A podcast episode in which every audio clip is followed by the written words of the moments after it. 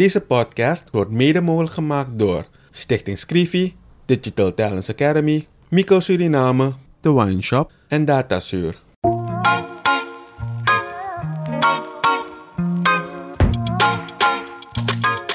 In een ontspannen sfeer praten journalist Kevin Hadley en challenger Vincent Kenswell met verschillende personen over de uitdagingen en de kansen van hun werkgebied. Samen proberen ze door oplossingsmodellen te bespreken positieve ontwikkelingen op gang te brengen.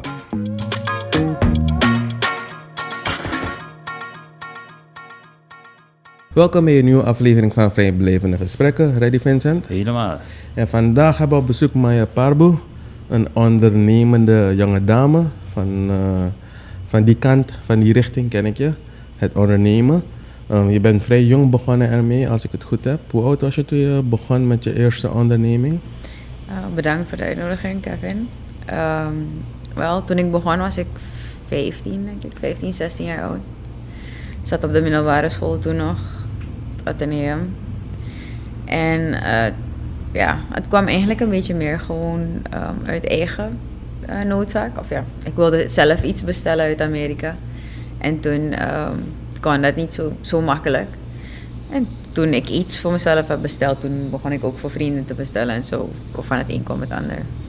En vanaf toen is het eigenlijk uh, hard gegaan, want nu heb je een aantal ondernemingen en je gaat steeds groter. Ja, klopt. Um, nou, hard. Is inmiddels al 17 jaar geleden. Um, dus hard zou ik niet zeggen. Het heeft lang geduurd. Heel veel hard werken. Um, ik heb verschillende banen gehad. Ik heb heel veel moeten sparen. Ik heb um, dit gedaan jarenlang en dan aan de zijkant ook nog gewerkt.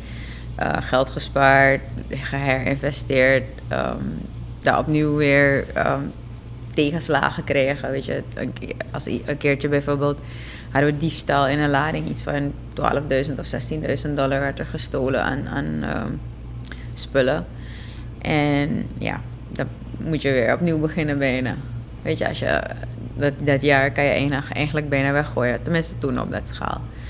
Um, en ja, pas na 12 jaar, toen, vijf of zes jaar geleden, zes jaar geleden, begon ik met Icarus, met uh, Serge.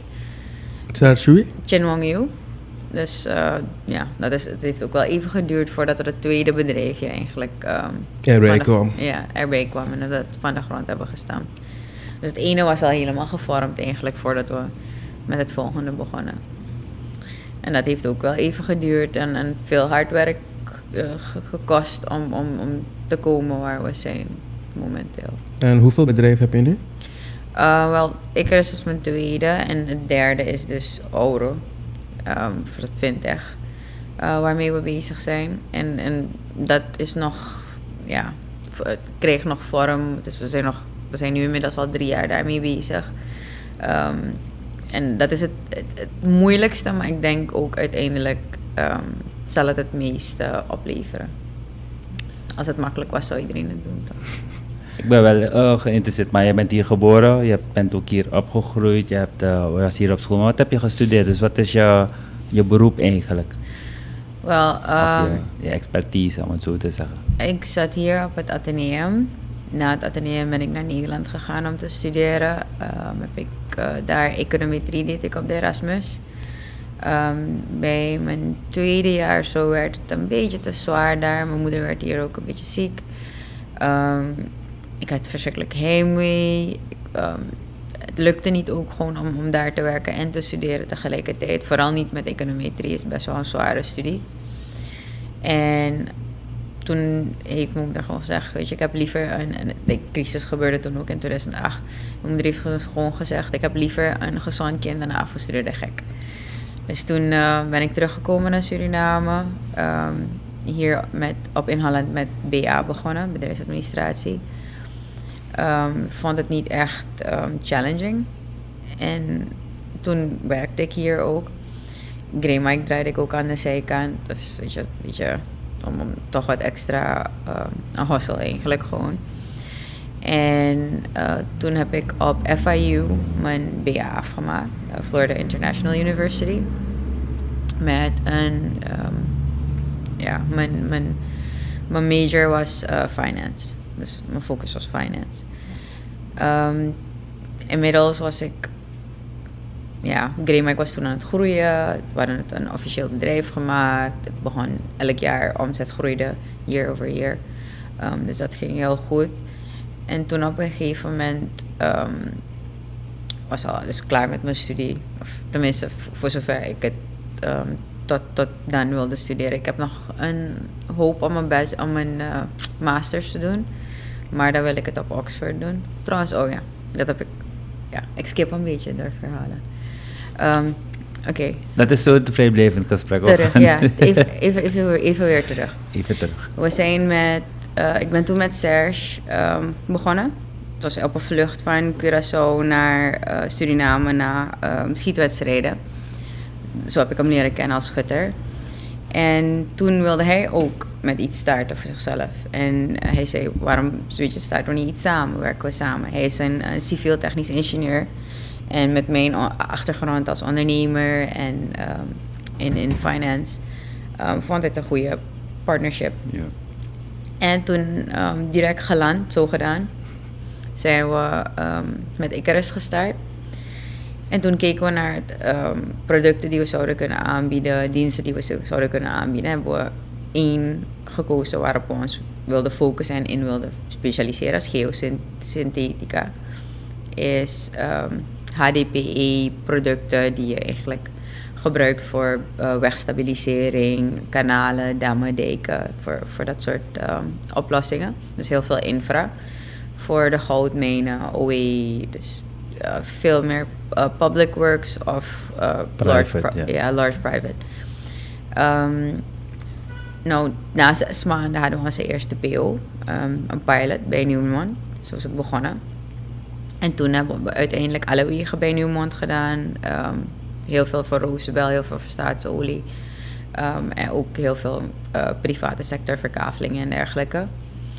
Eh, toen hebben we de gelegenheid gehad om eh Middle East en Noord-Afrika te doen van onze fabrikant. Hebben we die opportunity ook gezien, ongeveer twee jaar geleden. En een jaar geleden hebben we Europa ook gehad. Zo. Dus daar zijn we nu mee bezig aan het uitbreiden. We hebben een, een, een directeur in Nederland. Ehm, en twee in, ehm, die in Dubai zitten, die Midden-Oosten en Noord-Afrika doen. Dus het is nu, ja, Midden-Oosten, Noord-Afrika bijvoorbeeld, daar kregen we een project als Qatar, WK, de, de ehm, parkeerterreinen. Weet je, Siemens bijvoorbeeld heeft een, een groot project met een dak eh, dat groen van gras gemaakt moet worden. Daar moet je web overheen. Dat soort projecten kregen we dan. Het, is, het is challenging natuurlijk, het is nog het begin. Eh, we, zijn er, we zijn pas een, een ermee begonnen. En het enige nadeel van deze sector, wat, me echt, wat echt totaal tegen mijn karakter is, is dat het, het zijn lange lead times. Weet je, het, een, een project ben je misschien een jaar, twee jaar mee bezig voordat het überhaupt van start gaat. Dus je bent heel lang bezig met voorbereiding voordat het van start gaat. En voordat het klaar is, dan ben je misschien nog drie jaar, vier jaar verder. Dus dat is een beetje is te lang voor jou. ja, ik hou echt niet. Ik hou niet van dat gedeelte van het werk, maar het is wel is wel leuk. leuk, ja. ja. Wat trekt je in ondernemen eigenlijk? Nou, ik hou ervan om, om eh, dingen op te zetten. En het is net een baby. Je, je leert het lopen, je leert het rennen, je leert het fietsen, je leert, en je ziet het groeien. En je ehm, hebt een team. En je team die groeit steeds, eh, wordt steeds gehechter. Soms vallen er een paar af, soms komen er een paar bij.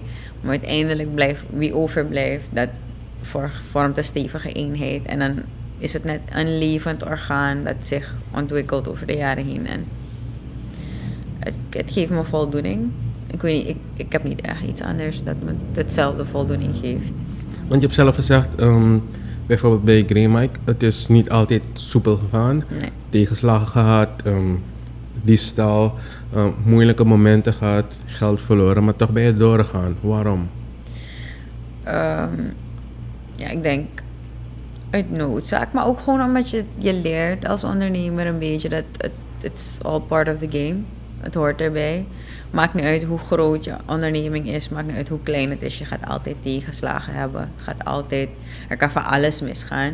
Maakt niet uit hoe goed je plant, want je plant natuurlijk altijd voor risico. Je plant Um, je, je je hebt, je hebt allerlei um, manieren om een risico te hedgen. Maar maakt niet uit wat, hoe je je voorbereidt. Er gaat altijd iets misgaan dat je niet verwacht. Er kan altijd iets misgaan dat je niet verwacht. En um, je gaat daarmee moeten leren omgaan en dan weer aanpassen, verbeteren, leren van je fouten en dan weer verder gaan.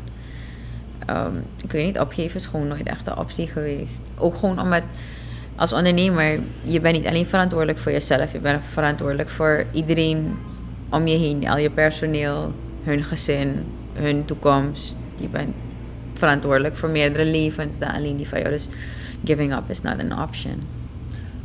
Wat ik mooi vind is dat je dus inderdaad, want um, vaak ondernemers natuurlijk, vooral zelfstandig ondernemers, eigen bedrijf hebben afgelopen jaren overal in de wereld, en ook in Suriname, hype. Mm. En dan wordt ik, naar mijn inzicht door, of wat ik zo observeer, kijk men in eerste instantie van ja, hoe rijk ga ik worden? En dan in terms of money, toch? Ja. Want jij praat over je onderneming en gaat een kind dat groeit. En, en voor jou is het een heel ander proces wat ik zo voel, toch, bij jou. Um, uh, de vraag is nu, hoe kijk jij dus naar bijvoorbeeld ook sectorontwikkeling? Want kies jij specifiek voor een bepaalde richting van je onderneming? Want ik, ik begrijp dat je dus finance bent, daarom heb je ook uh, Oro, heet het andere Ja. bedrijf, dus fintech. Uh, hoe is dat voor jou? Wat doe je wel en wat doe je niet bijvoorbeeld? Wel, um, oké, kijk. Bij Greymike, dan was ik een beetje manusje van alles. Ik begon en ik, ik, het was niet iets dat echt een bestaand ding was in Suriname, weet je, laten halen. Um, ik begon in 2003, volgens mij, laten halen.com kwam twee, denk ik, drie jaar later, um, toen ik wegging. Um, dus ik moest heel veel zelf verzinnen. Heel veel processen zelf verzinnen. Heel veel weet je, administratie, hoe dat, hoe dat zouden bijhouden. Al dat. Heel veel moest, moest ik zelf um, ontwikkelen. En dat innovatie, dat vond ik juist het leuke ervan. En um, zeg maar, in dat bedrijf dan moest, je, moest ik marketing zelf doen. Ik moest uh, pakketten zelf sorteren. Ik moest uh, zelf, ik was zelf shower, ik was zelf magazijnmedewerker, ik was zelf sales, ik was alles. Um, bij Icarus dan was Serge technisch, ik kwam een heel andere richting op. En enige reden waarom ik eigenlijk daarin ben gerold is omdat Serge heeft gevraagd. Serge heeft mij gevraagd en toen, weet je, ik dacht, ja, why not? En toen heb ik me ook een beetje verdiept in het civiel technische samen met hem, zeg maar naar Miami gegaan, wat trainingen gevolgd. En dan was ik verantwoordelijk voor zeg maar de finance, um, het opzetten van die structuren voor het bedrijf en een beetje het, dat ondernemer samen met hem. Um, en het is niet gekozen voor een bepaalde sector eigenlijk.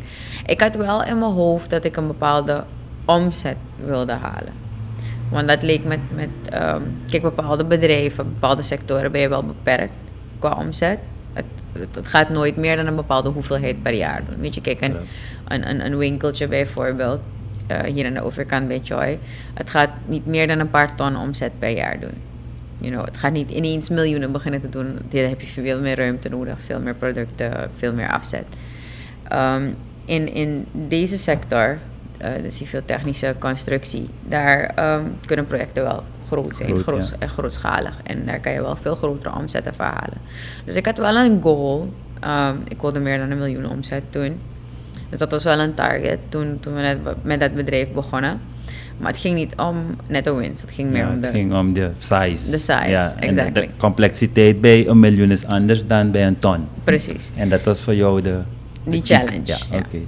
En dan um, nadat, uh, zeg maar, dan als je weer een nieuw bedrijf wilt starten, dan wil je ook iets dat um, grotere schaal kan bereiken. Want anders is het ook geen challenge meer. Weet je, ik ga niet met een, een, een kleiner bedrijf. Weet je, ik heb, ik heb eentje gedaan. Oh ja, dat ben ik vergeten. De salon.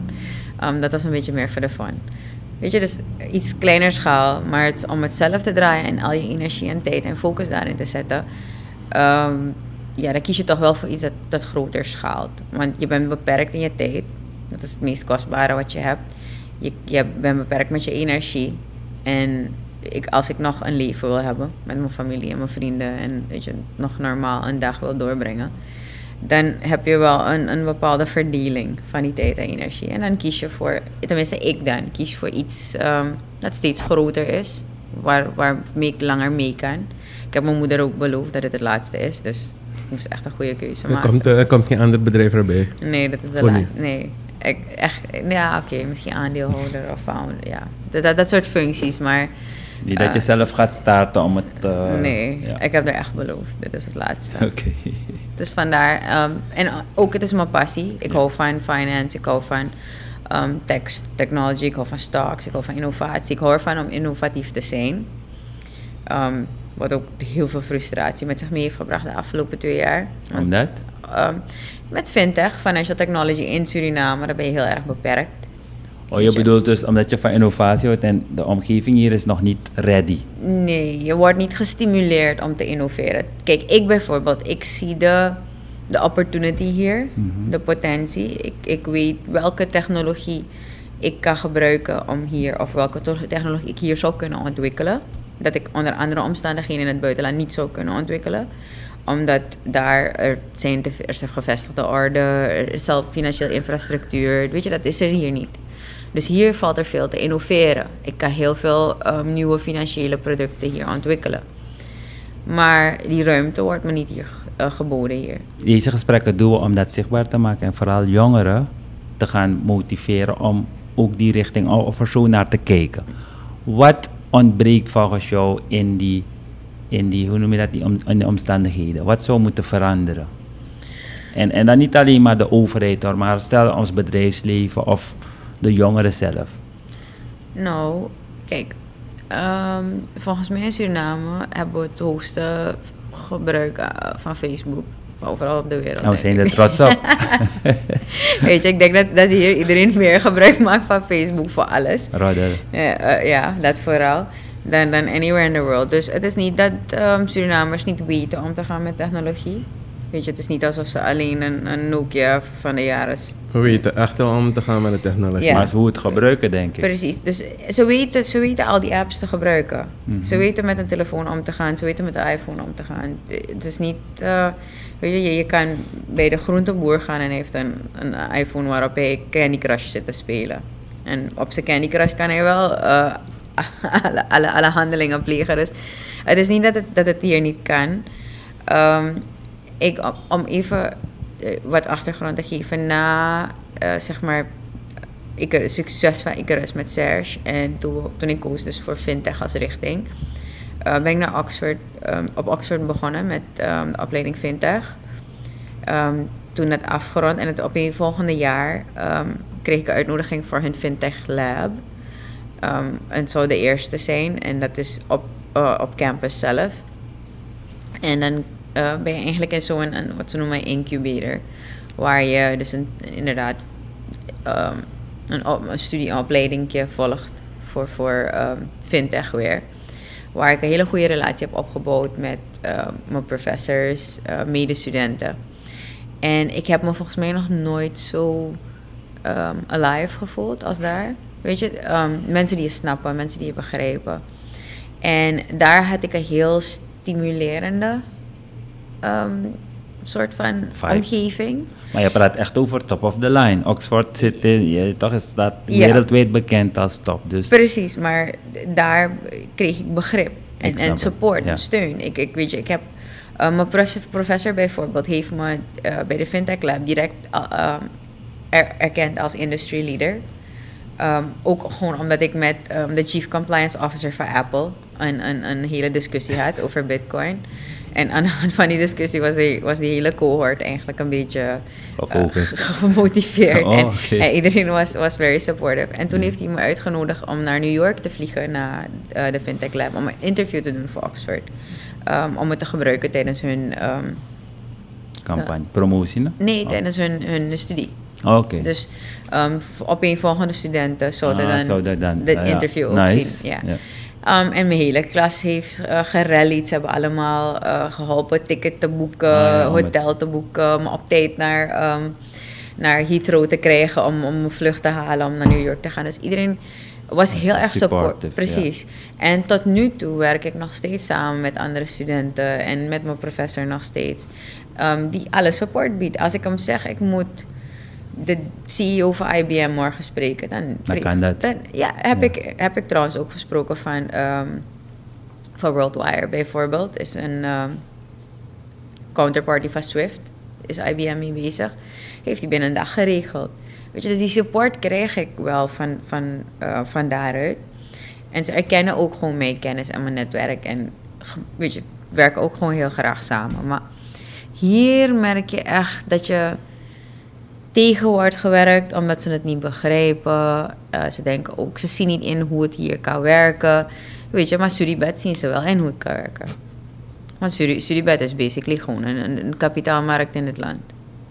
Weet je, het, het heeft zijn eigen digitale SRD. ehm, het wordt eh, overal verhandeld. Je kan overal eigenlijk eh, elke supermarkt als ATM gebruiken. Elke, elke Suribet kantoor als bank. Ehm, en, en dat wordt wel begrepen, dat wordt wel toegestaan. Maar als je het hebt over innovatie en ontwikkeling en, en hoe we dat hier kunnen gebruiken, dan heb je niet echt een luisterend oor hier of any support. Ook en dan gaat het niet eens om innovatie. Hè. Effectenbeurzen bestaan al honderden jaren en dat niet eens. eh, gebruiken ze nu nog steeds een Excel-sheet voor. En dan doen ze het liever zelf dan. Want op een gegeven moment waren we- ik ben bereid om het gratis te doen, Een vraagje. bijvoorbeeld. Sa- je praat over samenwerken, supportive zijn en al dat soort dingen. Als iemand het inderdaad niet begrijpt, dan is het, is het vaak zo van, eh, dat ze zo bang zijn, toch? Dat, ik weet niet waarvoor, maar daarop lijkt het. Dus het zelfvertrouwen op een of andere manier is dat er niet. Jij komt, je bent heel zelfverzekerd van jezelf, je bent waarschijnlijk ook, echt, je hebt die intelligentie ook. Hoe heb je dat vanaf je 15-jarige leeftijd in Suriname kunnen ontwikkelen?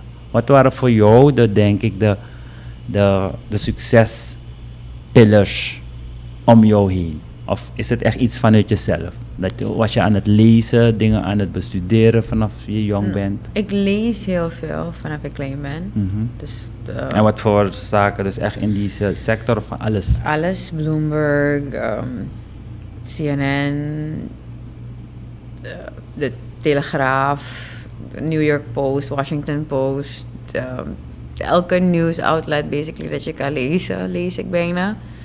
Ehm, ik las veel boeken toen ik jonger was. Ehm, nu wat minder. Maar ik las heel veel. Dus mijn algemene ontwikkeling was, was breed. Ik las heel veel online ook gewoon. Ehm, mijn moeder noemt me Google. Oké. Toen ik zes was bijvoorbeeld, wilde ik een, een encyclopedie set. Weet je, Oké, dus ja, dus zijn dingen die... eh, Als kind gewoon, ja. We zijn bijvoorbeeld niet naar Turkije gegaan een keertje op vakantie. Moest, moesten tickets cancelen omdat ik vond dat er te veel aardbevingen in Turkije waren. Oké. Je, en toen was er nog geen, toen was er nog geen Dat ergens internet. gelezen toen. Ja, en een encyclopedie. Ja, ja, ja. Dus ehm, zo, zo'n beetje. En eh, mijn moeder heeft me heel... Mijn opvoeding ook Ja. heel veel. Mijn vader was ondernemer. ehm, tot, ja, tot hij het niet meer was. Maar ehm, dus dat ook wel van hem, van hem geërgd. Mijn moeder was ook ehm, heel zelfstandig Jeetje. ondernemend. Ze heeft mij ook heel zelfstandig opgevoed. Ehm, ze heeft me ook een beetje met bepaalde idealen opgevoed. Leren sparen. geleerd wat, het wa- wat de waarde is van geld. Want ik merk dat dat, dat is ook echt een, een belangrijke als ondernemer. Want als, als if money is your motivation, you'll never have enough. Toch? Dan gaat het nooit genoeg zijn. Je gaat altijd. ehm, ja, dat, dat, en het, is ook niet echt een goede motivatie, toch? Om, om te Ja, ondernemen, denk ik. Maar goed, dus opvoeding, ehm, noodzaak ook. Ik denk dat ehm, veel wat er in mijn leven is gebeurd, heeft ook een, een impact gehad op, op een beetje survival skills geleerd. Dat dat ook heeft geholpen met het ondernemen.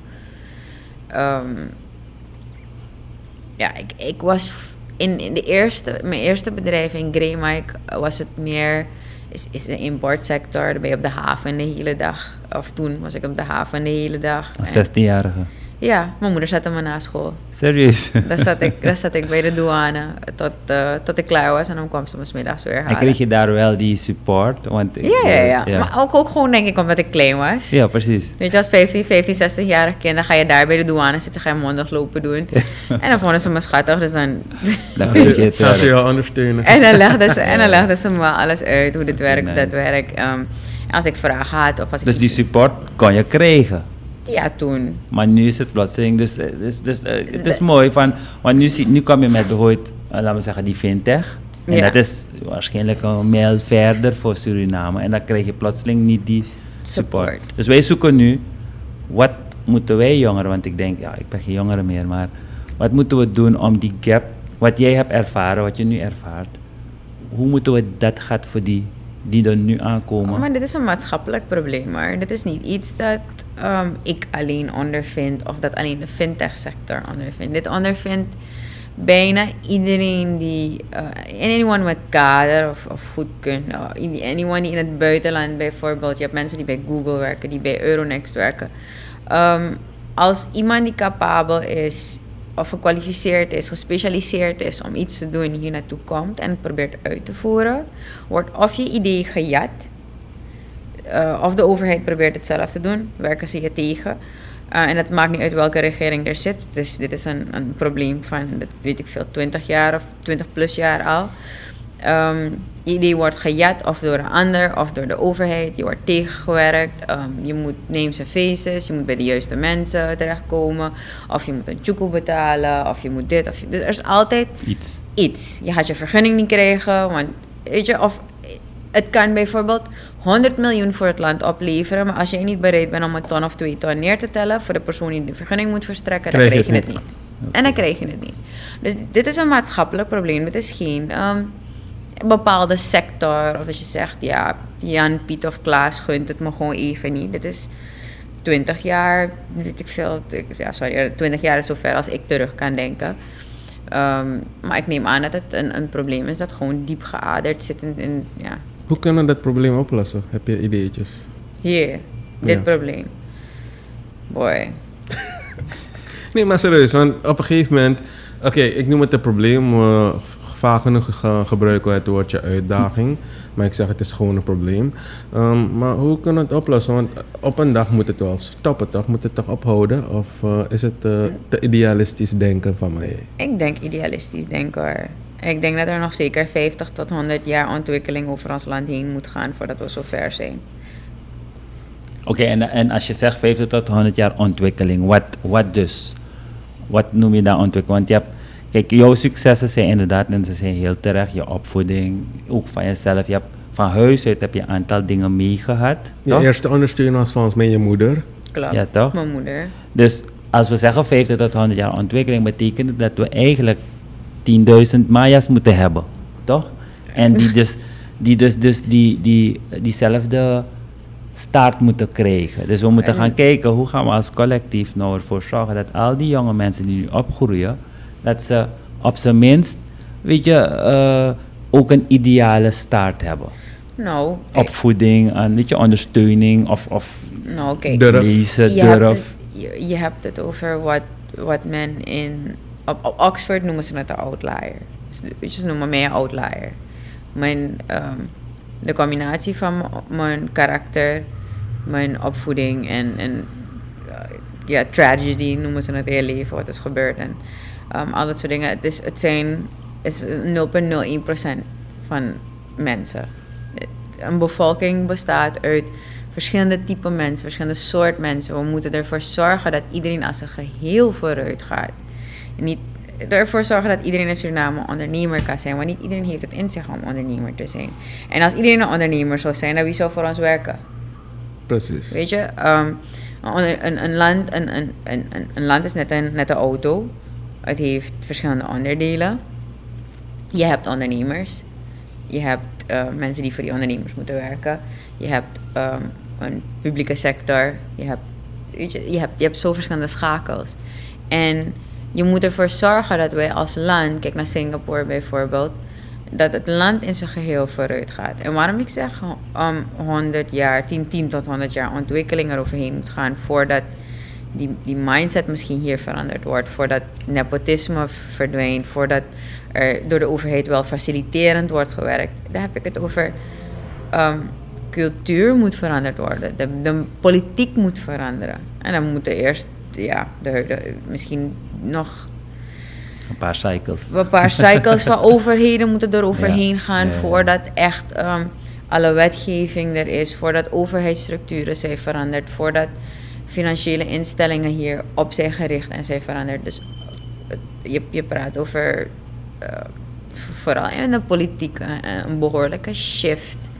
Wat tot nu toe is gebleken niet wilt komen, want er is niet een, een gebrek aan um, een partij die bijvoorbeeld anders denkt of, of um, andere, uh, andere manier van werken heeft. Je hebt, je hebt van de intellectuelen ook een partij. Hoeveel zetels krijgen ze? Half? Eén? niet eens half als je alle stemmen zou tellen. Ja. Snap je? Dus we zijn... Je, je bent altijd um, in de minderheid. Educatie zou hier uh, voor een paar um, generaties verbeterd moeten worden. Weet je, vanaf, vanaf uh, ja, de basisschool tot naar universiteit. Dat gaat ook uh, wat generaties nemen. Dus ik denk niet dat het iets is dat 1, 2, 3 wordt opgelost. Nee, wat je zei, ik, ik denk ook wel dat het een paar jaar gaat duren, een paar generaties. Maar waar ik naar zoek is van... Hoe kunnen um, wij nu? Dus kijk, we moeten nu leven. En het, ik neem aan dat je wat je nu doet, dat je het in elk geval voor jezelf is het plezierig, toch? Ik, ik bedoel, je hebt er helemaal geen spijt van. No. maar je trekt er gezicht een beetje. Maar, maar ik bedoel, oké, laten we een andere vraag stellen. Als je nu 15 jaar terug zou gaan, zou je iets veranderen? Um, nou, 15 jaar terug zou ik niet iets veranderen. Maar drie jaar geleden zou ik wel tegen mezelf hebben gezegd... maar ja, ben je zeker dat je in Suriname met de derde wil beginnen? Oké. Okay. maar dan zou je, toch, dus, zou je het op een andere plek willen? Omdat de afgelopen drie jaar niet eenvoudig zijn. Het is heel veel stress. Het is heel veel stress om, om, om ook nog met tegenwerking iets proberen te bewerkstelligen. Als ondernemer met visie weet je van... Hey, dit, als we dit nu kunnen doen en ik word gefaciliteerd in vijf tot tien jaar breng je zoveel welvaart voor iedereen. En natuurlijk ga jij als ondernemer er ook rijk van worden. Toch? Je gaat er goed leven van hebben. En dat is, maar dat is wat het voorbeeld je aangaf. Je gaat het, het is duurzamer. Dus ik denk dat, ik, dat, dat die opmerking maakte ik ook van, um, we moeten tienduizenden Maya's hebben. Niet specifiek met alle kwaliteiten, maar wel met... Die drive maar ook die ondersteuning in de omgeving. En ik denk dat wat wij misschien moeten gaan, gaan doen, um, is dat we, als, um, um, dat we ook naar elkaar gaan kijken, naar jongeren die misschien het talent hebben, maar niet die omstandigheid nog hebben. Toch? Je hebt veel, we zien vaak op, op Facebook zie je ze van jongeren die, je ziet dat het een potential is, maar die misschien een zwakke start heeft. Want de huisomstandigheden zijn nog niet optimaal. Of de ouders kunnen niet ondersteunen op de manier, weet je, of um, kennis uh, wordt hun niet gegeven. Weet je, gestimuleerd van ga dit doen. Je noemde ze net ook, wij, wij, zijn wij vinden het heel mooi dat zoveel van ons op Facebook zijn. Maar wat doen we op Facebook? Toch, waarvoor gebruiken we internet? Als je gaat kijken naar onze tv-kanalen, wat wordt ons aangeboden? Toch? Dus ik denk dat we met elkaar als ondernemers, maar ook gewoon als community moeten gaan kijken. Jouw verhaal is een, denk ik een heel mooie successtory. Ook wat je zegt van dat je wordt uitgenodigd door Oxford om je verhaal te doen. En dat moet toch gewoon meer gaan exposen en gaan ontleden voor jongeren. Wat heeft dit betekend? Weet je, wat, is, wat was dat offer dat je hebt gebracht om, daar, om die gelegenheid te kunnen krijgen? Om dat te sharen met zoveel andere like-minded people. En wat kunnen we daaruit leren, weet je? En ik denk dat we daarom deze gesprekken ook doen, vrijblijvende gesprekken, om dat echt zichtbaar te maken voor de jongeren. Om, als inspiratie voor hun, maar ook voor de ouders en de ouderen om jongere potentials om je heen te gaan stimuleren dat te doen, weet je? En dan denk ik dat we inderdaad, wat je zegt, het gaat ons toch nog 50 jaar duren, maar dan denk ik wel dat we komen en dat we die cyclische economie wat we hebben, inderdaad van opbouw naar afbraak en dan weer die evaluatie, waardoor we toch duurzamer kunnen denken. Maar voordat we eindigen, ehm, wat motiveert je nog steeds om door te gaan? Want je zei net, ehm, drie jaar terug had je misschien tegen jezelf gezegd van, hmm, misschien is het geen goed idee, maar je bent nu erin. Wat motiveert je om door te gaan? Ehm, ja, ik weet niet op te geven, eerlijk gezegd. Ik, eh, ik weet, er zijn meerdere wegen die naar Rome leiden. Er is altijd een manier om iets te bereiken, maakt niet uit hoe lang je het duurt. En ehm, de aanhouder wint. Dus ja, persistence is een van mijn, betere kwaliteiten. Ik geef niet op. En ik, ik ben heel lastig als persoon als het, als het daarop aangaat. Als ik iets nodig heb, dan blijf ik maar zeuren, zeuren, zeuren, zeuren, zeuren, zeuren, zeuren, zeuren, zeuren, tot ik het krijg. Dus dan ga ik blijven zeuren, tot ik het krijg. Ook al moet ik in de tussentijd...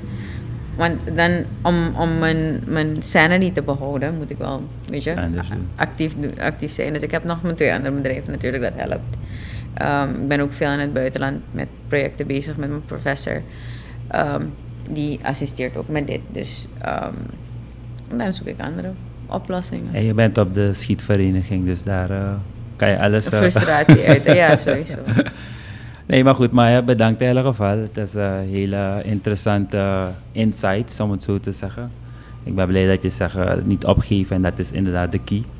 Um, we komen er zeker en um, als persoon ja, leer je steeds, je groeit steeds. Dus in ieder geval bedankt daarvoor en uh, heel veel succes. Dank jullie voor de gelegenheid. Nee, dat is gezellig en ik zou zeggen tot de volgende keer, want uh, we willen wel graag ook weten de volgende keer wat er allemaal is gebeurd tussen nu en uh, the next time we talk. Okay. Thank you. Thank Geen you. dank.